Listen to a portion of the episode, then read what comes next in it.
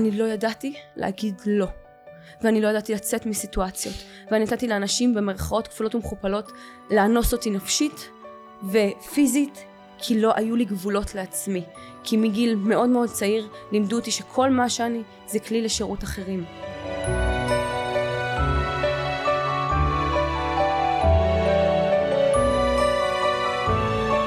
שלום וברוכים הבאים לפודקאסט נפש לוחמת, הפודקאסט שידבר על בריאות הנפש, תהליכי התפתחות וסיפורים מעוררי השראה. היום כאן איתי עוזי בראל, שהוא מאמן אישי, פסיכותרפיסט, מנחה קבוצות, מאסטר NLP לטיפול בהתמכרויות. ההתמחות שלו, הדבר שהוא הכי טוב בלעזור בו, מתוך הסיפור האישי שלו, זה התמכרויות. אני הכרתי את עוזי במכללת תיאותרפיה כשלמדתי את קורס 12 הצעדים. עוזי היה המנחה בקבוצה ואני פשוט נדהמתי מהבן אדם הזה שהגיע עם חזות כזאת היא מאוד גברית עוצמתית ופתאום מדבר רגשות ופותח את כל העולם שלו ואת הלב שלו לכל מי שרוצה ועוזר לכולם וזה כבוד גדול שאתה יושב פה איתי היום. תודה שבאת. תודה לך שהזמנת אותי להגיע הנה. ואני אשמח שככה תספר אז מה עם כל התארים הענקיים האלה מה אתה עושה מתרגש. עם כל מה שהצגת אותי, עומדות לי דמעות בעיניים, כאילו זה מרגש לראות היום אה, את המקום שאני נמצא בו. כששאלת, כשדיברנו לפני הפודקאסט כזה, העלינו את הנקודות על מה, על מה אנחנו הולכים לדבר, והסתכלתי במשך ה-15 שנה, אולי קצת יותר, האחרונים, אני לא עוזב את ספסל הלימודים. ונזכרתי שאני הייתי הולך לבית ספר. שם את התיק בין השיחים ועושה כל מיני דברים. אני, עלה לי כזה ב, ב, ב, בזיכרון שההתמכרות שלי התחילה, עוד לפני הסמים, היא התחילה להימורים. וואו. כן. היה בשוק, אני גר בדרום תל אביב, שכונת התקווה. שזה קטע בפני עצמו. זה קטע בפני עצמו. כן. היום אני לא מרגיש את זה כי אני לא, כמעט ולא מסתובב בשכונה, בית עבודה או מה שצריך, אבל uh, בשוק, היה, בסוף השוק היה, הייתה שם חנות של אה, משחקי חלל. אז בזמנו זה היה נקרא ביליארד ופליפרים, שהיום אולי הם לא קיימים. והייתי גונב כסף בשביל ללכת לשחק. כל היום הייתי שם, ילד. באיזה ממש. גילאים? 12, 13. תשמע, הסיפור שלך, אני מכירה אותו קצת יותר לעומק ואנחנו גם נדבר עליו בהמשך קצת יותר לעומק. הוא באמת מרתק. זה לראות בן אדם שהגיע באמת מהמקום הכי נמוך משכונת התקווה אתה יודע גם גבר שנראה מצ'ואיסט וכריזמטי כזה ופתאום הולך לצד השני של טיפול ורקות ועדינות זה דבר מטורף. לטובת המאזינים שלנו אני ארצה שרגע ניתן הגדרה של מהי התמכרות. איך אני יודע אם אני מכור למשהו? כי היום זה מושג שהוא מאוד מאוד נפיץ. אני, אני מכורה אליך אה, כולנו מכורים, לסמארטפונים בוא ניתן רגע את האישור קו הזה של מהי התמכרות. היום גם כולם שרים את זה עם השיר של חנן בן ארי. נכון. אני נרקומן של אושר. נכון. אמ, התמכרות זה אני נשלט על ידי. אוקיי. אני נשלט על ידי המחשבות האובססיביות שלי, על ידי התנהגות כפייתית. אה, דבר טוב, אני נשאב אליו ולא יכול לעצור. אוקיי. לא יכול לעצור ומוכן לעשות הכל בשבילו. אבל אנחנו אומרים פה שמכורים לא תמיד יעידו, מה זאת אומרת, כמעט אף פעם לא יעידו על עצמם שמכורים, מה אני עושה קוק כי אני אוהב לעשות קוק, זה כיף, מה? אני מכור? לא, אני רוצה לעשות, אני יכול להפסיק מתי שאני רוצה. מתי מגיעה ההבנה הזאתי או הכאפה הזאתי שהי אני, אני מכור, אני לא יכול להפסיק, אני צריך עזרה. עם השנים. כן? אתמול לדוגמה קצת, אה, אם מדברים על רגישות, אז אה, אתמול התקשר אליי אבא, אמר לי אני רוצה לעזור לבן שלי, הוא בן 19. ואז הוא סיפר לי שהבן שלו היה לו הבחנה של קשב וריכוז, הוא היה עם הרבה זעם, היה שובר דברים, היו נותנים לו ריטלין, אחר כך קונצרטה, והיום הוא בן 19. והוא הלך לרופא, הרופא נתן לו גרס רפואי. וואו. ואז כזה, לפעמים במקלחת אני מערער בדברים, זה המקום שהדברים צפים שם, וזה הכעיס אותי. שאלתם פעם את הילד, מה מציק לך? למה אתה כועס? וואו, אני מדבר על זה, אני מתרגש, כאילו. כן. למה, למה אתה כועס? דיברת איתו, חיבקתם אותו, פניתם אליו, ישר להשתיק? ואז האבא אמר לי, ואמרתי לאבא, כנראה שזה לא הזמן. זה כואב, זה כואב לאללה. אבא שרואה את הבן שלו שעושה אה, סמים, זה מתחיל עם אה, אה, רפואי וזה עובר לדברים אחרים, והאבא בחוסר אונים מוחלט. חוסר אונים מוחלט. זה באמת קשה, והעניין הזה של להשתיק, במרכאות אני אומרת שהתרופה הרגעית היא כאילו להשתיק, אני לא רוצה להתמודד, אין לי כוח, אין לי זמן לזה, אבל בסוף בלונגרן ההשתקה עולה מחיר מאוד מאוד כבד ואני רגע רוצה להתעכב על מה קורה במוח בזמן שאתה מכור למשהו. הרי כשאנחנו מכורים למשהו יש מרכז גמול במוח שם זה יושב מרכז העונג מרכז הגמול שכאשר אני עושה משהו שעוזר לי או לגזע שלי לשרוד הדופמין עולה. ולכן כשאני אה, עושה משהו שקשור באוכל או ביחסי מין שזה אה, הדבר הכי בסיסי כדי לשרוד שם אני מקבל את הגמול הזה של הדופמין במוח. זה כמובן אה, זריקת דופמין מאוד מאוד רגעית אבל שם זה קורה. ואני הבנתי שכשאתה אוכל אז הדופמין עולה באחד וחצי אחוז וכשאתה מקיים יחסי מין הוא עולה פי שתיים. כשאתה עושה קוק הוא עולה פי ארבע וכשאתה עושה קריסטל מת הוא עולה פי אחת עשרה. אז השאלה שאני רוצה לתת פה זה אם אנחנו יודעים שקוק וקריסטל מת אה, מעלים באחוזים כל כך גבוהים את הדופמין במוח איך אנחנו כולנו לא מכורים לזה? למה אנחנו מכורים לדברים הקטנים? לגראס, לאוכל, ליחסים לא טובים? למה שכאילו, אני אומרת במרכאות, אם אנחנו יודעים שאלו הדברים שגורמים לך להרגיש וואו בעננים, למה מכורים לא ישר פונים לדבר הקיצוני הזה? אני לא נכנס לסטטיסטיקות, אני לא מבין במדדים, אני מבין ב... ב... בהתמכרויות באישיות המתמכרת, mm-hmm. אני אקח את כל מה שאמרת רגע, אני אשים את זה בצד, ואני אסתכל על הימורים. הימורים לא נכנסים לגוף. נכון. אבל אנשים הורסים בתים. נכון. ואנשים לא קמים מהשולחן. ועבדתי באחד ממרכזי הגמילה והגיע לשם נער בן 18 שהוא מכור למחשב שהוא לא קם מהמחשב חצי שנה. וואו. הוא היה עושה פיפי בבקבוק. וואו. אז זה לא מדובר, ההתמכרות היא לא החומרים, החומרים זה תוצאות. Mm-hmm. ההתמכרות זה החוסר יכולת להרגיש את מה שאנחנו מרגישים. לדוגמה אני אתן לך, אפרופו, אני מאחר סדרתי. היום הבנתי למה. למה? כי קשה לי לחכות. סליחה שגרמתי לך. לא, זה בסדר גמור, לי, לי זה גרם לעשות חשבון נפש עם עצמי. אמיתי לגמרי. כל מקום אני מאחר כי אני בטוח שאני לא, כנראה השקט עושה משהו. Mm. וזה מעלה מבוכה, ופתאום לא מצאתי את עצמי, ואז הלכתי וחזרתי.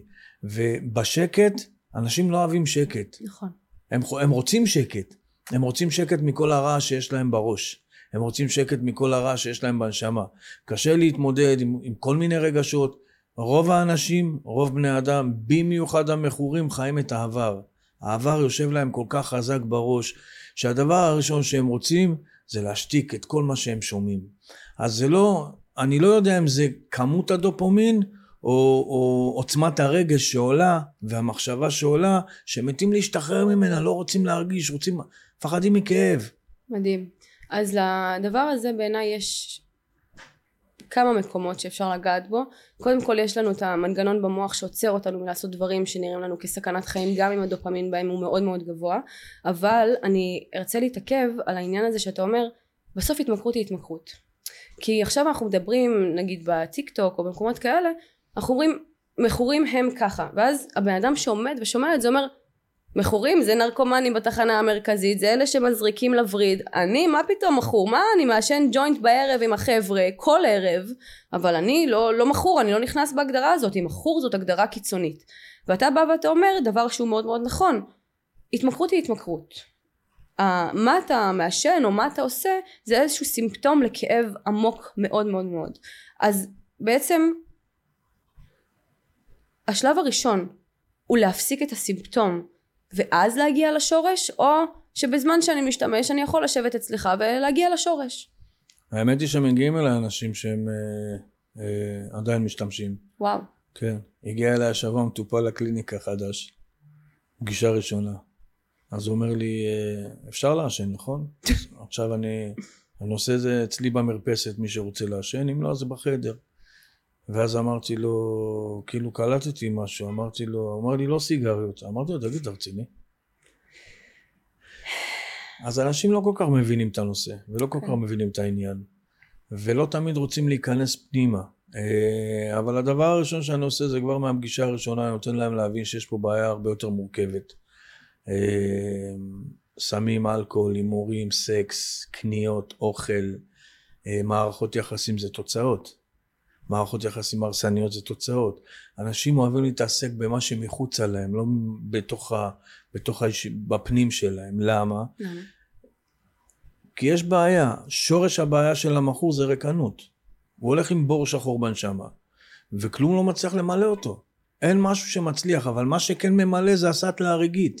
זה הג'וינט הזה שמשתיק כן, את לא הבור, יכול, ויאללה. כן, הוא לא יכול להגיע הביתה ולהיות בשקט. יום עבודה, הוא ברח כאילו מכל מה שמעסיק אותו. וואו. תוך כדי תעסוקה, מגיע הביתה, שקט, בשקט עולים כל הרעשים. כל הרעשים עולים. זה רעשי ילדות. זה דברים שעשית, קרו לך בילדות, זה כל מיני משקעים. יש שם שברים בסיסיים, יש... כל אחד מאיתנו, כל אדם, עובר איזה שהם טראומות בילדות, ולא כולם מוכנים, אז מה, מה כן עושים? מדחיקים. נכון. אז יש כאלה שהקוק מתלבש עליהם, ויש כאלה שמפחדים, לא, מה פתאום? ועוברים לדוגמה. אני חושב שההתמכרות הכי מביכה והכי מבישה זה התמכרות לפורנו. והתנהגות, אני יכול לדבר חופשי? כן, חופשי לגמרי. זה יכול להיות גם לאוננות, נכון. וזה יכול להיות ליחסי מין, והכי קל, כאילו, אף אחד לא יודע, אף אחד, אז לא רואים שהוא מכור, והוא מתלבש, והוא יוצא החוצה, Mm. והוא נראה הכי נורמלי בעולם, אבל הוא מתבייש לטפל בבעיה. וואו. סמים, אין בעיה, כולם רואים. נכון. ועם זה אין שום בעיה, אז בן אדם בא לטיפול. עכשיו, פעם ההתמכרות הייתה רחובות, אה, זה שרואים אותו עם כוס בצומת, זה שיושן על קרטון, ההתמכרות היום נכנסת לכל בית, במיוחד הגראס. אני אמשיך להגיד, אני, אני מקבל תגובות בטיק טוק, לפעמים מאנשים ש... מעניין, גם על זה אני רוצה ל- כן. לשאול. איזה- תשמע, אתה עושה חיל בטיקטוק, אני רואה שהסרטונים שלך מתפוצצים, אתה פותח על הגראס, אתה פותח על ברור. הכל, אתה גם עושה את זה באותנטיות כזאת, בלי מניירות של עכשיו אני מטפל, לא, אתה בא ופותח הכל. ופתאום אני רואה גם תגובות שאני אומרת, וואו, כל הכבוד לו שהוא ממשיך. איך אתה מתמודד עם התגובות האלה של אנשים שבהכחשה מוחלטת? בטוב, למדתי כן? להגיב. כן. וואו. למדתי להגיב. אה, חלק מהדברים שלא דיברנו עליהם זה קודם כל אנחנו מדברים על כל מה שאת מעלה כאן, על ההתמכרויות, אבל אה, כמו שהצעת קודם, אני, אני מכור נקי. וברוך השם אני מכור נקי הרבה מאוד זמן. כמה שנים? אה, 35 שנה וחודשיים. עוד ארבעה ימים וחודשיים. שזה חתיכת זמן. ושואלים אותי, מה, לא שתית, לא... כלום. כלום, כלום. נקי טוטאלי. ולהיות נקי טוטאלי, לסחוב כאלה, לסחוב. אני לא סוחב כלום, אתה אבל... סוחף, סוחף לגמרי. אבל לקחת תקופה כזאת ארוכה ולחיות איתה בשלום ולחיות לחיות, לחיות וליהנות מהחיים. מכורים לא יכולים לחיות וליהנות מהחיים כשהם מתנקים. הבור השחור בנשמה, התחושות של כל מה שהם עוברים, הם עוברים את זה לבד. עכשיו אני את ההתמכרות שלי התחלתי בילדות. בדרך לכאן, אה, הרבה שנים כעסתי על אימא שלי. יו, אני אומר את זה ואני מתרגש. חיים שלי. כן. כי אני לא יודע אם, אם באמת מגיע לה שאני אכעס עליה, או שהייתי צריך לקחת חלק בכעסים האלה מאשר להאשים אותה. עם השנים אני לומד בעבודה עצמית, שהעבודה העבודה, העבודה היא שלי, האחריות היא שלי. והיום כהורה, ברוך השם אין לי ילדים בעייתיים, לא פשע, לא כלום, אבל אני הייתי ילד בעייתי. היה קשה להסתדר איתי. הייתי אלים, אה, לא יודע לדבר. מגיל צעיר? כן, לא יודע לדבר. אני זוכר, הייתה ילדה בכיתה, הייתי ילד. במקום להגיד לה שאני אוהב אותה, או... רדפתי אחריה. אמיתי לגמרי, לא וואו. יודע לדבר. וואו. גדלתי בחוסר ביטחון, גדלתי עם כל מיני אינפורמציות שנתנו לי לג... עליי. כי מה עושים היום עם ילדים בבית ספר שהם בעייתיים? נותנים להם ריטלין. ריטלין. כן, השתיקו אותם, אותי לא השתיקו. Mm.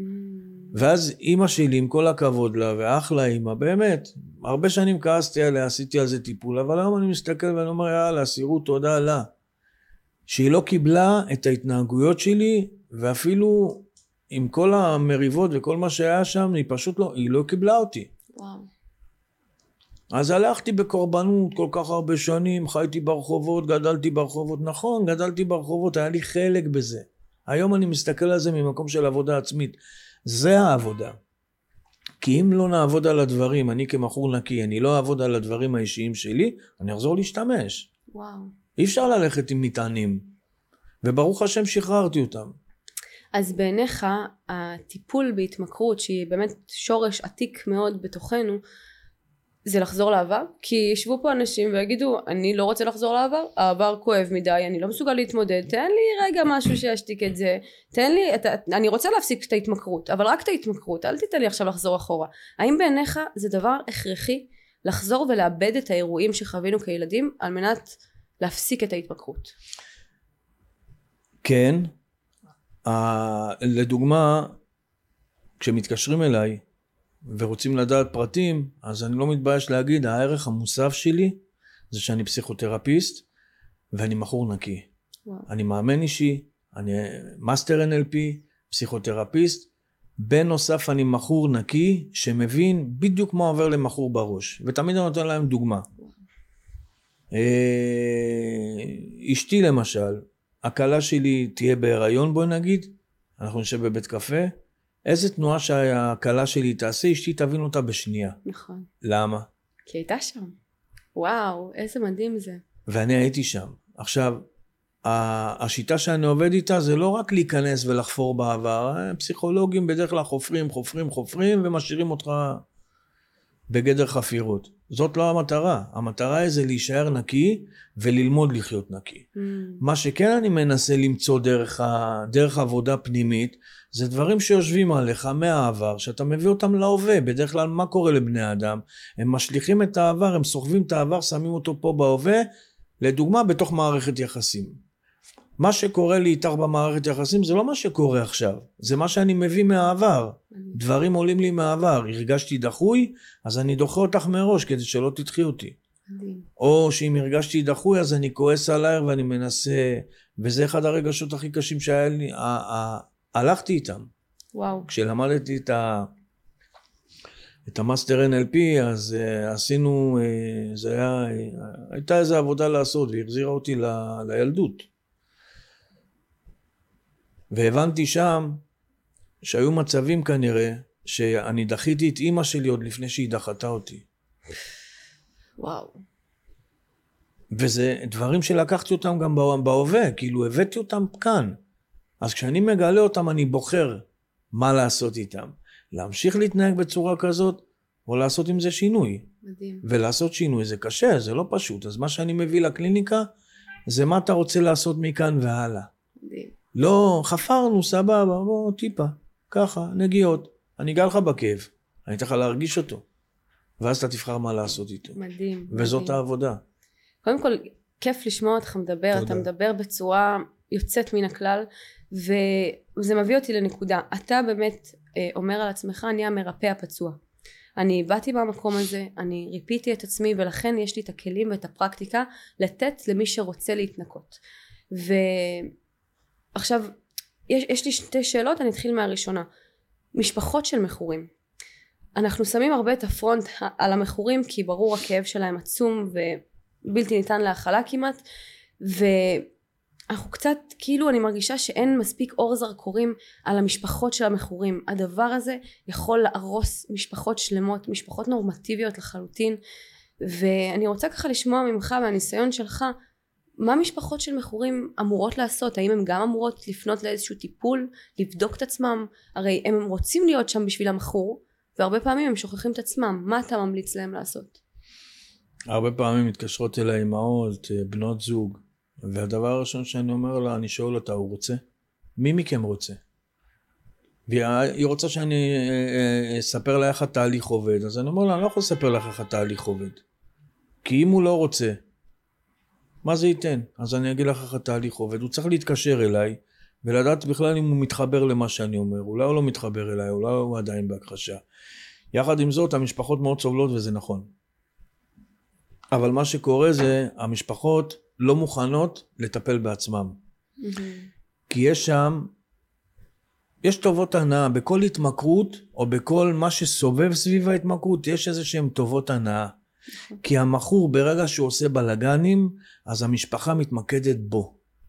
וואו. וזה סוג של נוחות. המטפלים, עכשיו רוב בני האדם תמיד יש להם הצעות ותמיד מוכנים לטפל בכולם אבל בעצמם לא. הכי נוח לטפל במישהו אחר. ואז הם רוצים לטפל במכור. וכשהוא לא רוצה אז הם מטילים את האשמה עליו. כל הכעסים שיש להם, כל האובססיה שיש להם, כל האורח חיים שמתנהל רק סביבו, מבחינתם זה החיים.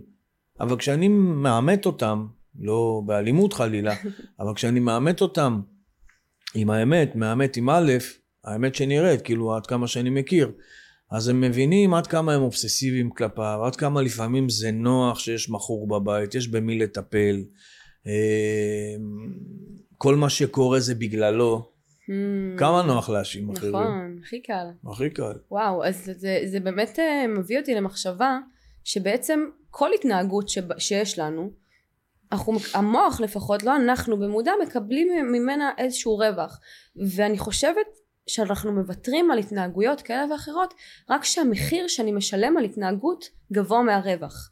ואני רואה את זה על עצמי. אני, אה, אתה מכיר את הסיפור שלי, את ההתעללות שחוויתי, ובחסד אלוהים באמת תודה מעולם לא לקחתי סמים קשים ותרופות או דברים כאלה אבל בתור ילדה הורית למשפחה לא מתפקדת ומתעללת נולדו בתוכי התנהגויות ואחת ההתנהגויות הבולטות של ילדים הוריים זה באמת לעשות דרמות אני ממש יכולה להגיד לך בפירוט את הרגע שבו החלטתי שאני מוותרת על כל ההתנהגויות האלה.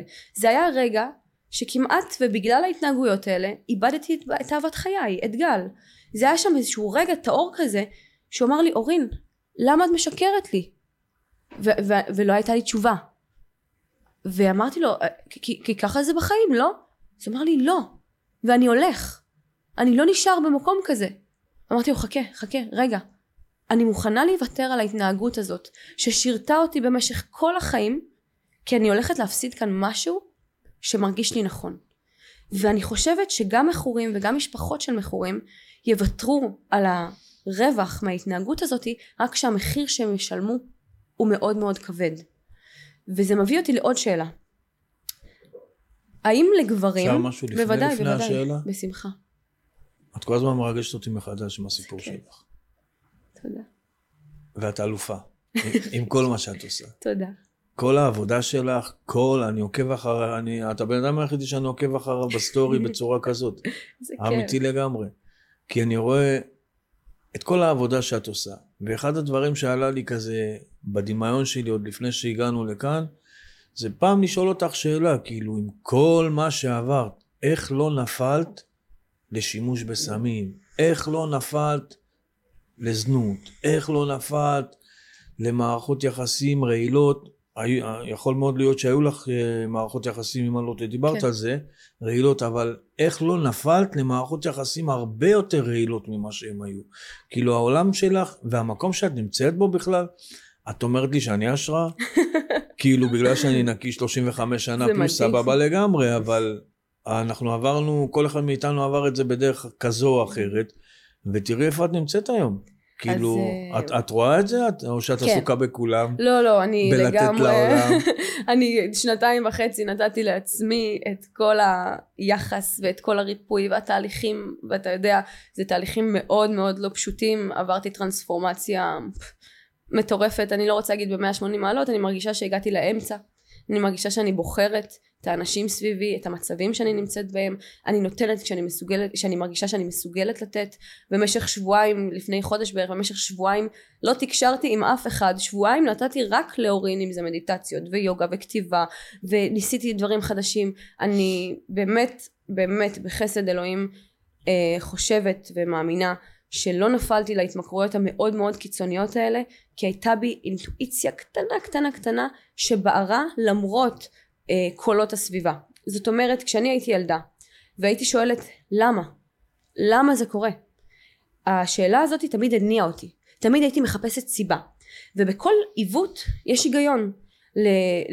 לכל פוגע מיני הוא לא יגיד לך אני רציתי לפגוע. לא הוא רצה או לספק איזשהו יצר או שהוא רצה אה, במקרה שלי אני אגיד את זה ואני מודה שזה קצת קשה להגיד אבל אני באתי פה בלי פילטרים. זה היה אני לא רוצה שתתרגשי מגברים כשתהיי גדולה.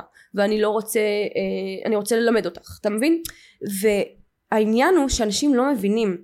כמעט תמיד אין דבר כזה רע או טוב. וזה דבר קשה להבין כי מעולם לא שנאתי את אבא שלי. עד היום. אני גדלתי עם שני אבות. ולגדול עם אבא מתעלל שהוא גם אה, חסיד במרכאות אה, גדול של חב"ד וכזה הייתה מציאות מאוד מבלבלת. ובתוך כל העניין הזה הלמה למה למה זה ניהל אותי. ובמקום הראשון שהייתי בו זה ניהל אותי למקום הקורבני של למה אני ולמה זה מגיע לי ולמה אבל כשהגעתי למקום של הריפוי הלמה הוביל אותי למקומות אחרים. למקומות של לחקור את העבר לחקור את הנפש לחקור העברה הבין דורית ומתוך הלמה הזה בסוף גם אמרתי יאללה ככה אין תשובה. זה המצב זה מה שחווית. את רוצה או להמשיך לתת לאחרים לשלוט על חייך בהווה או שאת רוצה לקחת אחריות. זה הסיפור שלך. את רוצה לכתוב אותו או שאת רוצה שימשיכו לכתוב לך אותו. ובתור ילדה אני יכולה להגיד שנכון לא נפלתי לזנות אבל נפלתי למערכות יחסים אלימות קשות מאוד פיזית רגשית מינית. אה, אני לא ידעתי לשים גבולות על הגוף שלי בכלל ואני אומרת את זה לבנות שלא יודעות להגיד לא. ואני אומרת את זה למי ששומעת וצריכה לשמוע את זה ויש לי צמרמורת אז כנראה שמישהי צריכה לשמוע את זה עכשיו.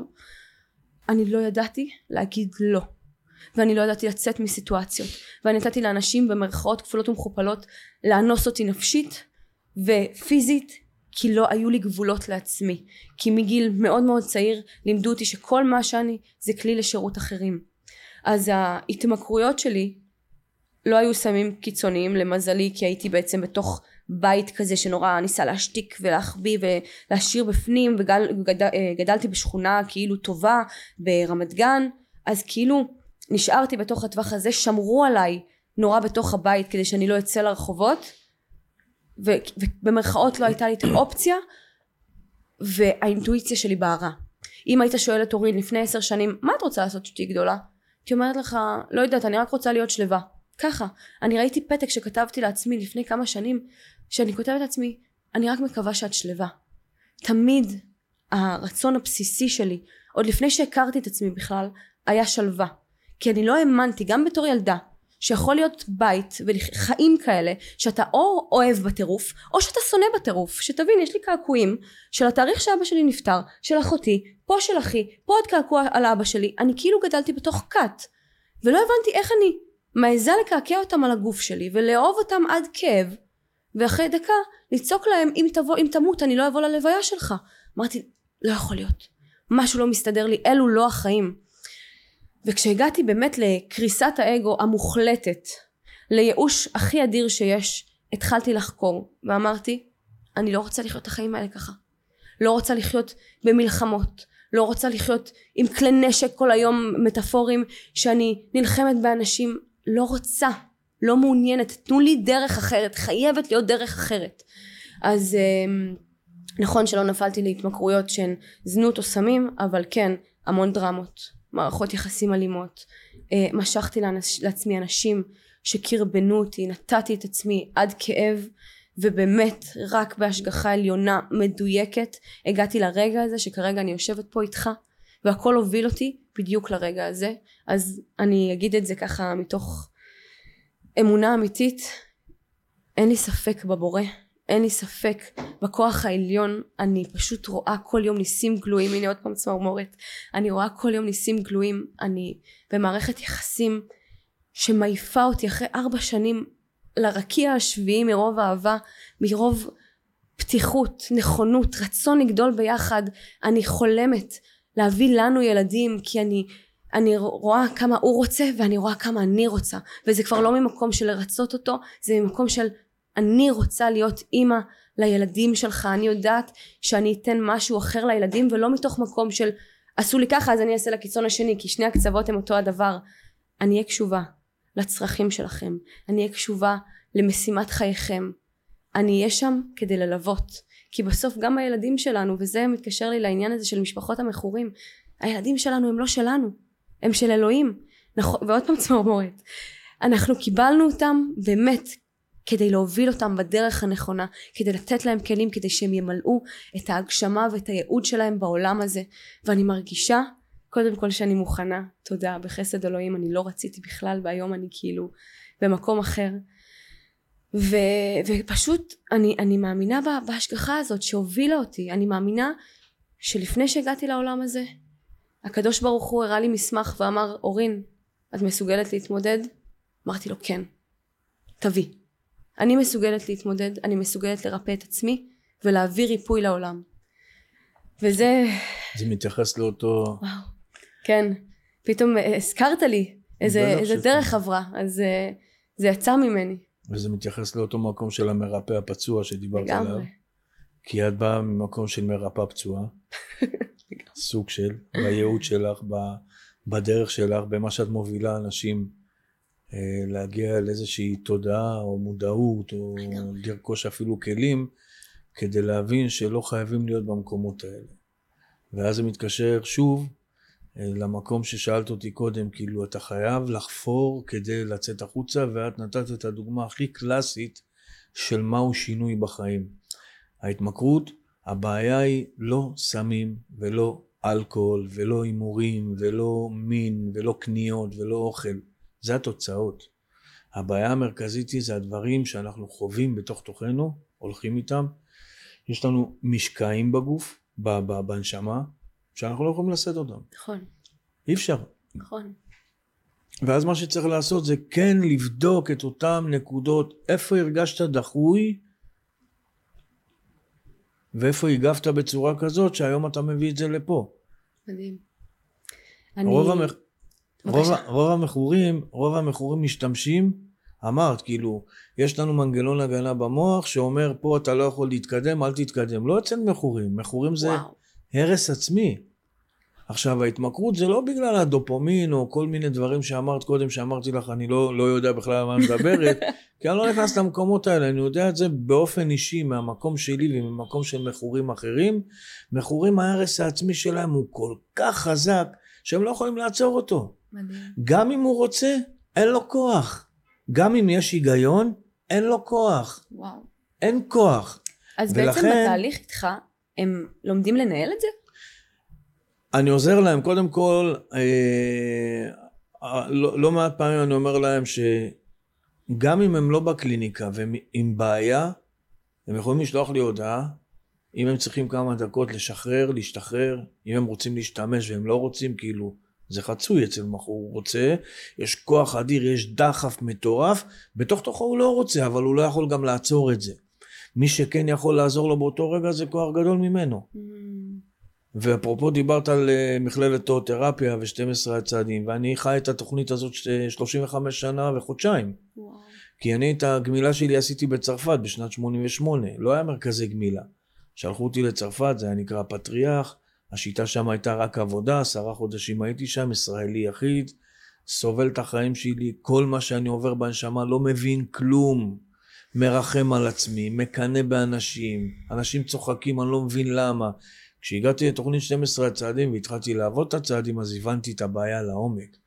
וה, והצעד הראשון אומר, עודנו שאנו חסרי אונים מול התמכרותנו ושחיינו הפכו להיות בלתי ניתנים לניהול. וואו. מתי אני מקבל כוח? כשאני מודה בזה שאין לי כוח. ואז אני פונה לכוח גדול ממני, וזה בדיוק מה שאמרת בכמה דקות. כאילו הרגשתי, נגעתי לך בנקודה, ובום, כן. הכל שם יצא החוצה. זה מהטיפול הפנימי, מה, מהילדות שלך, הטיפול שעשית, והמקום שאת נמצאת בו היום. נכון. וזה התהליך. כן, אתה לחלוטין נגעת שם באיזה נקודה, ואני רוצה לשאול, קודם כל, ה-12 הצעדים זה קורס שאני עשיתי אותו אה, בהמלצת מירי גלזר שגם התארחה אצלי, ואני חייבת להגיד, אני המלצתי על הקורס הזה לכל החברים שלי. גם אלו שאין להם איזושהי התמכרות אה, פעילה או משהו כזה אני חושבת ש-12 הצעדים צריך ללמד בבתי הספר אני חושבת שזאת תוכנית שמלמדת אותך כישורי חיים מעבר לזה שהיא עוזרת למכורים בצורה בלתי רגילה היא עוזרת לך להתמודד עם החיים, היא עוזרת לך להבין מה נכון לך, לאן לפנות, היא באמת נותנת לך כישורי חיים שאני באמת אומרת מערכת החינוך תכניסו את זה לתוך המקום הזה של לימודים זה, זה מדהים וזה, אני חושבת שזה גם תופס תאוצה אצל אנשים שאין להם איזושהי התמכרות אדירה, נכון? כן, במכללה. אה, יש את 12 הצעדים לכל ההתמכרויות, יש כל כך הרבה אה, תוכניות, אה, קבוצות תמיכה. אלה שאין להם קבוצות תמיכה, אז הם מגיעים למכללה והם לומדים את 12 הצעדים. מה שנופל לי האסימון כרגע זה שהתוכנית הזאת היא כל כך מעצימה. נכון. אני לא יכולתי להישאר נקי 35 שנה פלוס בלי התוכנית הזאת. לא הייתי לומד את כל המקצועות, אני לא יכולתי לשבת בכיתה, אני, כל הרגשות של הילדות הגיעו לי כשבפעם הראשונה הלכתי למדתי אימון אישי. הרגשתי נחות, הרגשתי לא שייך, הרגשתי שיותר טובים ממני. אה, סוכני ביטוח, עורכי דין, או כל מי שהיה שם, זאת שמקלידה כל היום בכיתה, וזאת שכותבת, ואני לא מצליח לכתוב את מה שהמורה אומרת, אבל התמודדתי עם מה שאני מרגיש, נקי, וואו. נקי, התמודדתי, עבדתי על זה. המשכתי לעבוד על זה. אני זוכר שבפרקטישנר, אה, בפרקטישנר NLP, כשהגעתי, אז הגעתי אחרי שלושה שיעורים, בשיעור השלישי. ובסיכום הקורס, אה, לא, לפני סיכום הקורס, אני זוכר שפעם הוא שאל שאלה המרצה, ולא הבנתי. עכשיו התביישתי, מה, ת, ת, תגיד שאתה לא מבין, כאילו איך יסתכלו עליך, מה יראו אותך.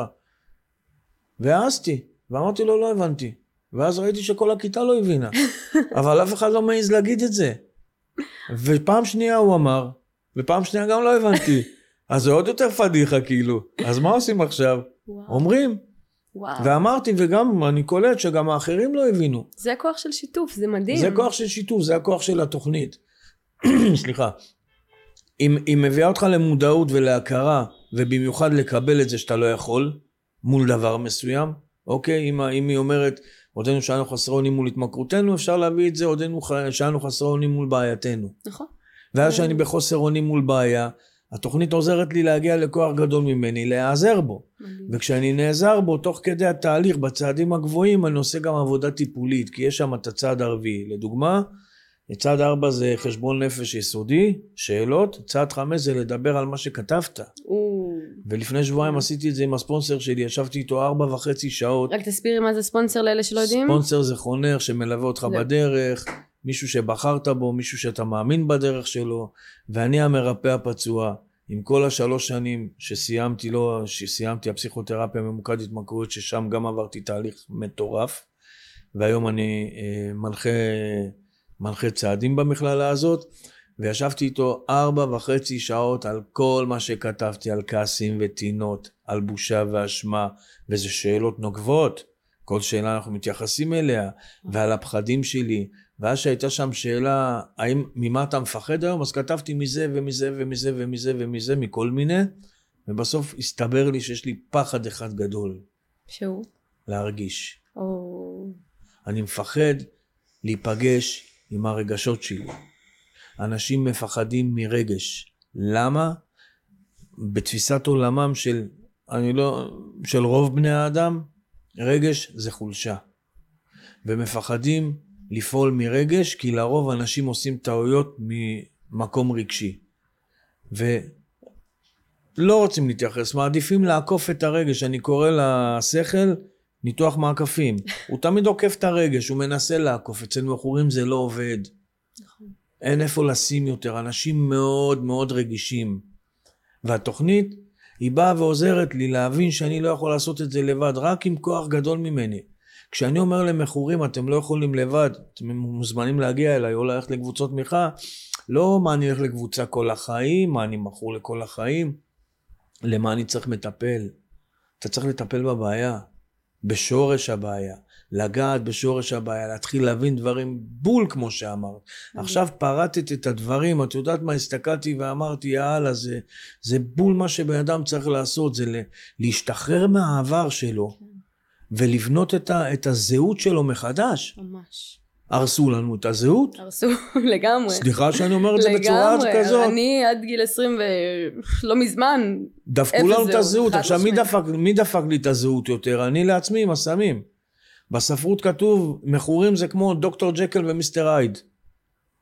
ביום, אם אני לא טועה, הוא עוזר לאנשים ומרפא אותם ומטפל בהם, בלילה הולך רוצח אותם. וואי. העלית לי קצת טריגר, כי פעם מישהו אמר לי, מה, אני לא מבין איך את מדברת ככה על אבא שלך. את כאילו מדברת על אה, מיסטר, איך אמרת?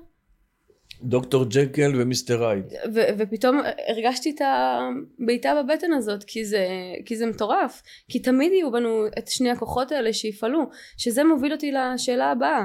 אתה מדבר על זה שאתה דיברת עם הספונסר חונך שלך ואתה עדיין כותב כעסים ואתה עדיין עושה עבודה פנימית משל עצמך בטח. ואתה בא ואתה אומר אני עוזי בראל ואני מכור נקי 35 שנה וחודשיים ישמעו אותנו המאזינים ויגידו אה 35 שנה אתה נקי מה למה אתה עדיין קורא לעצמך מכור כי יש לי בעיית התמכרות. האישיות שלי. אני בן אדם מאוד אובססיבי, אני בן אדם כפייתי, אני בן אדם עם נטייה להרס עצמי מטורף. אה, אסירות תודה, השתחררתי מכל כך הרבה דברים, יש לי חופש אדיר בנשמה, חופש מאובססיות. וואו אני צריך לעשות, אני, אני עושה עבודה להגיע לחופש מאובססיות, אני יכול לשבת חצי שעה בשקט עם עצמי לעשות מדיטציה. אני יכול להיות לבד בבית בכיף, בלי להיבהל. לאן הולכים? מה עושים? מה אוכלים? מה שותים? לא צריך. יכול לשבת בשקט, לערער בדברים, קולט שהמחשבות שלי מתחילות uh, לתקוף אותי מימין, משמאל, מכל מיני כאלה, מוצא מה לעשות, יושב כותב, מתפלל, עושה מה שצריך. ואני עושה עבודה, אני כל הזמן חייב לתחזק. אכלת ארוחת בוקר היום? אוכלת, שותה, מתקלחת, עושה מה שצריך. גם הנשמה. צריכה את זה. גם הנפש שלי צריכה את זה. ובמיוחד הראש המקולקל שלי. זה שאני מכור נקי 35 שנה וחודשיים ואני מטפל בפסיכותרפיסט ו-NLפיסט והכל ומטפל באנשים ו- ואנשים כותבים לי הודעות ותגובות עזרת לי לפני ארבע שנים אני לא עזרתי לאף אחד אני אמרתי מילה לקחת אותה? אתה עזרת לעצמך. מדהים. לא לקחת אותה? וזה מה שאני אומר ל- ל- לאנשים שמתקשרים אליי. מהו התהליך? התהליך הוא של קודם כל לעזור לך להיות נקי. קודם כל, אנשים מפוחדים, את אומרת גראס אה, אה, פעם ביום, אנ- השבוע היה אצלי מישהו, רק אמרתי לו אתה צריך להפסיק, קלטתי בכיסא איך הוא, איך הוא, איך הוא זז על הכורסה מה- מהפחדים והחרדות, וואו. ואז הוא ביטל את הפגישה הבאה כבר, אמיתי לגמרי. אנשים מפחדים להיפרד, אנשים מפחדים לוותר. יש כאלה שאומרים לי, כן, ג'ונט בלילה, אבל הג'ונט הזה כמה שנים? אתה עושה 20 שנה. הפסקת לילה אחד? לא. אז יש בעיית התמכרות או אין בעיית התמכרות? לא, אבל תבין וזה. אז לא אבל ולא כלום. מה שאני בא ועושה, ביחד איתך, נותן לך כלים להיות נקי. נותן לך כלים להמשיך להיות נקי. ונותן לך כלים ללמוד לחיות נקי. אנשים איבדו את זה. אנשים מאבדים את הזהות שלהם עם השימושים. הוא לא יודע להישאר נקי. ריב אחד עם האישה הוא מוצא, הוא, מוצ... הוא גם בונה קומבינה וזה חלק מה... מה זאת אומרת? אני אתן לך דוגמה. הגיע אליי אה, מישהו שמריח כמה שנים טובות, אוקיי? התנקה. היה נקי איזה... כמה זמן היה נקי? איזה חודשיים. הלך לאירוע, ו... לא, הלך לאירוע, הלך להופעה של אייל גולן ושתה כוסית. והוא בא אליי והוא מבחינתו הכל בסדר, הוא אומר לי אפילו באותו ערב, הרי מה קורה לאנשים? הם שותים כוסית וישר הולכים קונים אה, זה ומריחים ואימא לב ואבא לב שלושה ארבעה ימים נעלמים לא ישנים. וואו שלושה ארבעה חמישה ימים לא ישנים. וזה עולה הרבה כסף. והוא הוא אמר לי הייתי בבית, היה שם צלחת וכאלה והוא היה מבסוט מעצמו, לא עשיתי כלום, ברחתי, פחדתי. תוך כדי שיחה איתו, אני מבין שהוא בונה קומבינה כבר להופעה הבאה של אייל גולן כדי לשתות. זאת אומרת, פעם אחת זה יותר מדי, ואלף לעולם לא די. אין מעצורים. נגעת, נסעת, נעלמת. ואנשים לא מצליחים להחזיק את הניקיון, אז הוא נקי יום יומיים בום חוזר לשימוש. וזה לא חשוב ממה. אז אתה בעצם אומר שעל מנת לנקות את ההתמכרות אתה חייב להפסיק עם זה לגמרי ואם צופים שומעים אותנו ואתה יודע הם עושים ג'וינט פה אלכוהול שם יגידו למה למה להפסיק לגמרי אני יכול להפחית לא? לא. אני מסכימה איתך תסביר להם למה לא אי אפשר. אין להפחית. זה לא, זה לא הכמות, זה מה שקורה לי. האם זה מנהל אותי? מדהים. עד הג'וינט הבא. אה, כל ערב אני רק עושה. ולקראת שעה ארבע, שאתה עומד לסיים את העבודה, מה קורה לך? אם אומרים לך תשאר עד ארבע וחצי. מה קורה לך? ואם לא התארגנת, אתה עכשיו בדרך הביתה ואתה יודע שאין לך ולא התארגנת. האם אתה קצרי באנשים? האם אתה כועס? האם אתה חסר סבלנות? האם זה מנהל אותך? מדהים. כי אם החל, החצ, החל, החצי השני של הצעד הראשון אומר, חיינו הפכו להיות בלתי ניתנים לניהול, יש משהו שמנהל אותי. אני באובססיה על הבת זוג. היא מנהלת אותי, אני באובססיה על הג'וינט, אני באובססיה על, ה, על הכוסית. מטורף. וזה מביא אותי לעוד שאלה, האם אה, יהיה יום שבו לא תגיד אני עוזי בראל ואני מכור נקי איקס שנים? האם אתה תהיה יום אחד במרכאות רק אה, מטפל ולא מכור נקי? יש דבר כזה או שמכור נקי זה תואר שהולך איתך ועם כל מי שהתנקה לנצח? אני בוחר. נכון? אני בוחר להיות שם. מדהים. אני בוחר להזכיר לעצמי. אחת, תראי, זה שאני מכור נקי 35 שנה וכמעט חודשיים, זה לא אומר שמחר אני לא אחזור להשתמש. אין ביטוח. אוקיי? אחת התפילות שלי לאלוהים, אני בן 57, פה כואב, שם כואב, לפעמים המוות עולה בראש, לפעמים כל מיני דברים קורים, עול, עולים דברים. ואני אומר לעצמי, יאללה אלוהים, בבקשה, רק שאני לא אהיה אה, במצב שיכאב לי מאוד ואני אצטרך לקבל משככי כאבים. וואו. הפחד הכי גדול שלי זה לאבד את אלוהים. אני נמצא בתוכנית רוחנית. התוכנית הזאת הביאה אותי לשפר את הקשר עם הכוח העליון שלי בדרך שלי, באמונה שלי. זה מה שמחזיק אותי, זה מה שנותן לי, זה מה שנותן לי חיים. ואני יודע ששימוש אחד, וקודם דיברנו על זה לפני הפודקאסט, אני לפני 23 שנה וארבעה חודשים עברתי התקף לב בכביש הערבה Mm. 12 בלילה. נכון, רציתי נקי. שתספר על זה. נקי כמעט 12 שנה. אוקיי. באמצע, באמצע נהיגה, הייתי עובד בשווקים, שוקרם ללוד, והייתי עובד באילת כל יום חמישי. אז הייתי נוסע בימי רביעי, וחוזר ביום שישי. מטורף, אני, כל הדברים מטורפים אני. וואו. בדרך הרגשתי כאבים בחזה, כאבים ביד שמאל, זיעה קרה, בחילות, הבנתי שאני בהתקף לב באמצע נהיגה. עכשיו, הבנתי כי דוד שלי, זיכרונו לברכה, כשהוא קיבל את ההתקף הראשון, אז המשפחה כבר אמרו מה הם הסממנים, אז הבנתי. ולזה אני מתכוון, זה חלק מאותם ניסים שאלוהים עשה איתי. נס, 50 קילומטר מאילת, 12 בלילה, וואו. התקף לב, ואני פה יושב איתך. זה לא השגחה, מדויקת. זה השגחה עליונה, זה השגחה VIP. וואו. והסתכלתי לשמיים ככה, הבטן שאלה, זהו? ואת בטח מכירה את תפילת השלווה, כן. ולא יכולתי להתפלל אותה, זה היה אלי, תן בי את... לא יכולתי לנשום, כאב לי, כאילו איזה דוב מחבק אותי מאחורה. אלוהים סידר לי הכל במדויק, איך, אני, איך שהגעתי לבית חולים יוספטל. הגעתי עם אמבולנס, חי, בריא, נושם. ברוך השם. בדרך, אני, כאילו, אני קולט שאני... הייתי מעשן מלברו אדום. באותו רגע גם הפסקתי לעשן. וואו. וזה היה ככה על הדשבורד. וההוא עם האמבולנס שם לי חמצן, אמרתי לו, תגיד, יש אפשרות סיגריה לדלת? עכשיו, ידעתי שזה לא, אבל... קיצור, הגעתי לבית חולים. ההתמכרות הראשונה שלי מהסמים, אני חושב שהחוויות הראשונות שלי עוד לפני החשי, אחרי החשי, זה היה הסיבל. היה לי... סיבל? הסיבל זה, זה, זה כדור הרגעה, בנזו, Mm. אבל מתמכרים אליו. אוקיי. וכשהגעתי לבית חולים אז אה, שמו לי הסיבל בפה, אני הוצאתי אותו. אני הוצאתי אותו. ואני נקי כמעט 12 שנה, כי מבחינתי זה סם.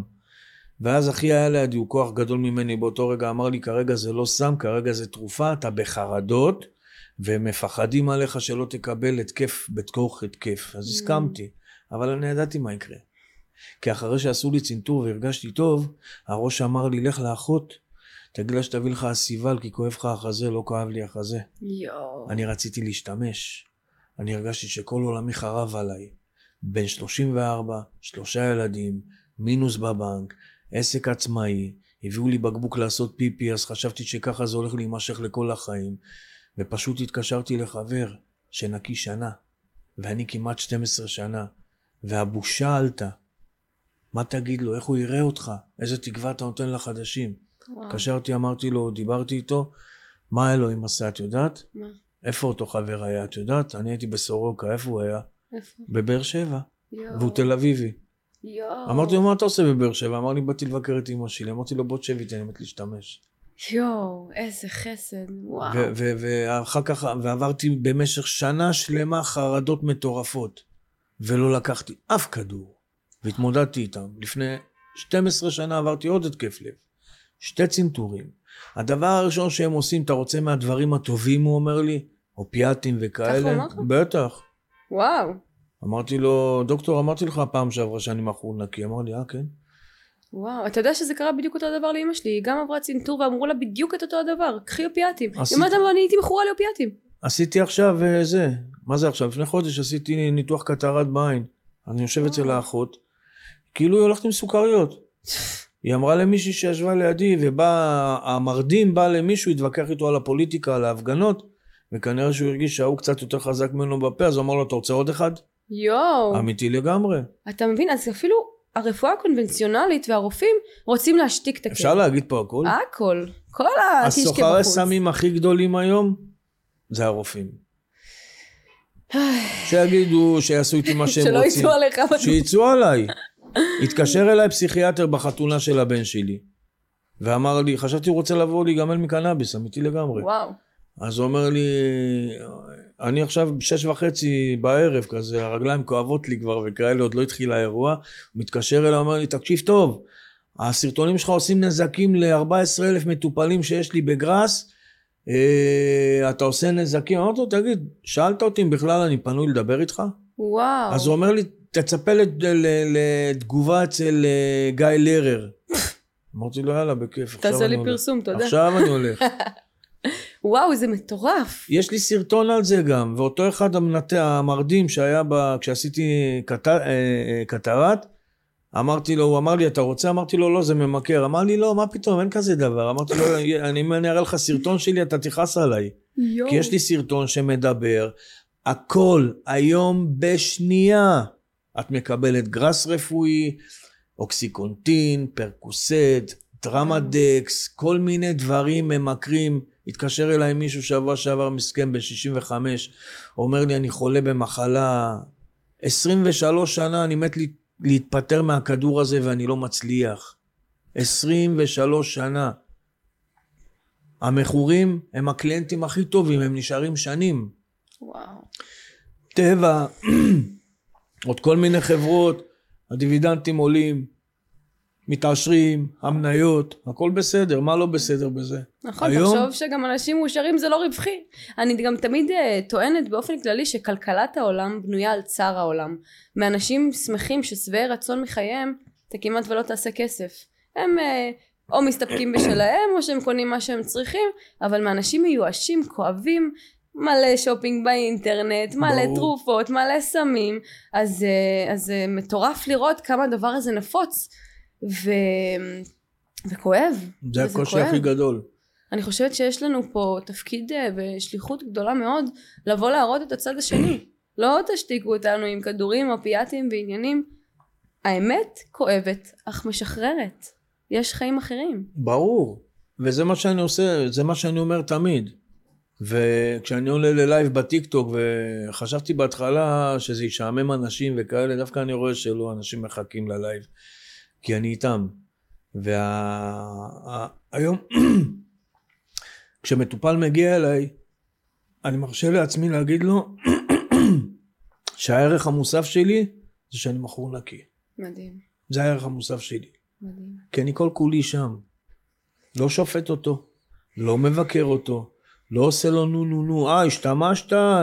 באה אליי אתמול מטופלת שלי, היא מתב... התביישה. אמרתי לה, זה בסדר. לא הקשבתי לך, היא אומרת לי, הפסקתי להריח, אבל אני שותה אלכוהול. אמרתי לה, אבל האלכוהול יחזיר אותך חזרה. לא, מה פתאום לי זה לא יקרה, כולם, כולם מבינים גדולים. כן. כן, עד הרגע שזה קורה. ברור. ו- ואז שזה קרה, אז היא התביישה, היא הגיעה וכזה היא... אמרתי לה, זה בסדר, אני גאה בך. לא על זה שהלכת להשתמש, על זה שאת מדברת על זה פה עם הבושה. מדהים. על זה שאת מגיעה לפה עדיין, כי משהו בך רוצה להציל את מה שיש לך בחיים. מכורים מה צריכים? אהבה. אהבה. אהבה. מה היה חסר לנו בילדות? אהבה. אהבה. אהבה בריאה. פידבקים.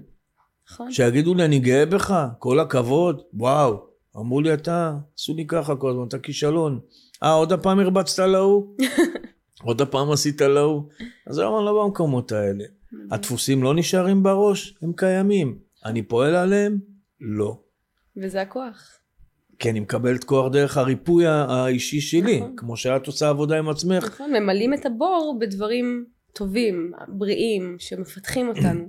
יש עוד אה, משהו שאתה רוצה להוסיף, לדבר עליו, שלא דיברנו, שנראה לך רלוונטי לצופים שלנו? על מה לא דיברנו? נראה לי דיברנו על כל ההתמכרויות, על כל הכאבים, וככה... אני רוצה, אני רוצה להדגיש שאנשים יבינו שהתמכרות היא מחלה פיזית, נפשית ורוחנית. מדהים. הצד הפיזי של המחלה זה האובססיה וההתנהגות הכפייתית. אתה עושה משהו נגד רצונך. לפעמים אנשים כועסים על אנשים שחוזרים ועושים את, את אותם דברים. אבל הם עושים את זה נגד רצונם. זאת שמנקה את הבית היא לא מכורה, זאת שמנקה כל היום ומסדרת כל היום, ואוי ואבוי אם תזיז לה כוס. מכירה את ה... ברור. ה-OCD, אז קוראים לזה OCD. אז כן. הם בחרדה ש... אני למשל, סדר לי עושה בלאגן.